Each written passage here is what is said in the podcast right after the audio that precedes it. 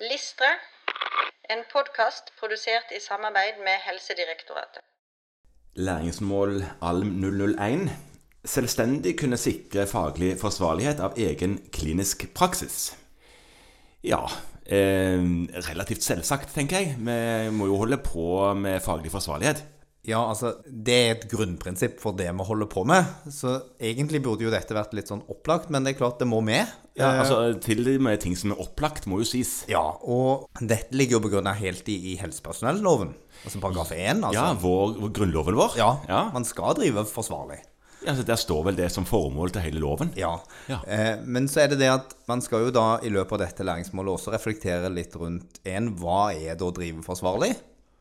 Og to, hvilke aktiviteter må man holde på med for å forstå hva forsvarlig praksis er, og opprettholde det videre? Ja, Men forsvarlig eh, Det er ikke det samme som perfekt, er det det?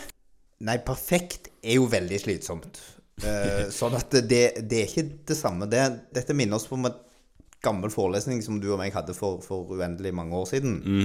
Der helsedirektøren fortalte oss litt om, om dette. Ja, Helsedirektøren den gangen, Hansen. Ja. Ja. Og det med forsvarlig, det handler jo om å ligge godt over listen.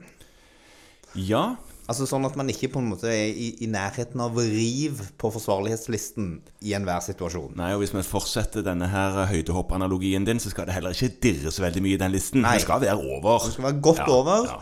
Eh, Så man skal hoppe over med god klaring. Mm. eh, Men man trenger ikke nødvendigvis på en måte hoppe over de der stolpene hver gang. Nei. Nei. Nei, for det blir jo veldig slitsomt. Og for en uh, ung kollega nesten uh, umenneskelig krav å forholde seg til hvis en skal tenke at en skal gjøre alt helt perfekt hele tiden. Og det er jo nesten ikke mulig engang. Og, og det som da ligger her, som er viktig, det er jo nettopp denne refleksjonen rundt hva er det som skal til for at det er forsvarlig, Mhm.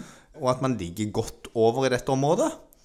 Og ikke på en måte Når er det godt nok? Ja, hvordan, bli trygg, hvordan blir en trygg på det? Nei, altså da, da har man jo da i forskjellige ting man kan gjøre. Altså, dette kan man jo ikke sitte på sin egen stol i et, i et litt sånn dunkelt belyst rom og kontemplere seg frem til. Eller ta fram en bok og lese, og der står alt. Nei. Nei. Eh, Sånn at her må man på en måte én forholde seg til at på en del ting senere er et lovverk, og det lovverket sier i første omgang hvor listen ligger.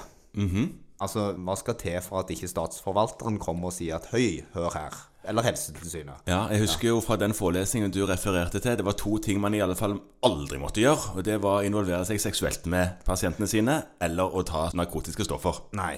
Og så skal man ikke stjele fra kassen. Og så skulle man ikke stjele fra kassen. Men, men det er ganske Altså, da ligger man godt under listen. Eh, og, og så er det et stykke opp til listen, og så skal man ligge litt over. Ja, og så er det de tingene der er for så vidt noe de fleste forstår. Det som er utfordrende, særlig, særlig som ung kollega, men også som, som ganske gammel kollega, Ja.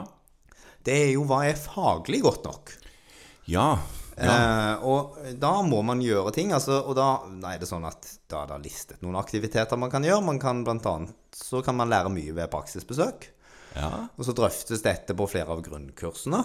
Ja, dette med å være faglig oppdatert og faglig forsvarlighet og sånne ting, ja. Ja, mm, og så skal det også løftes i gruppeveiledningen, der man da skal på en måte gå refleksjonsrunder på dette. Ja. Sånn at det som er viktig, er at man har et slags system for å reflektere rundt det.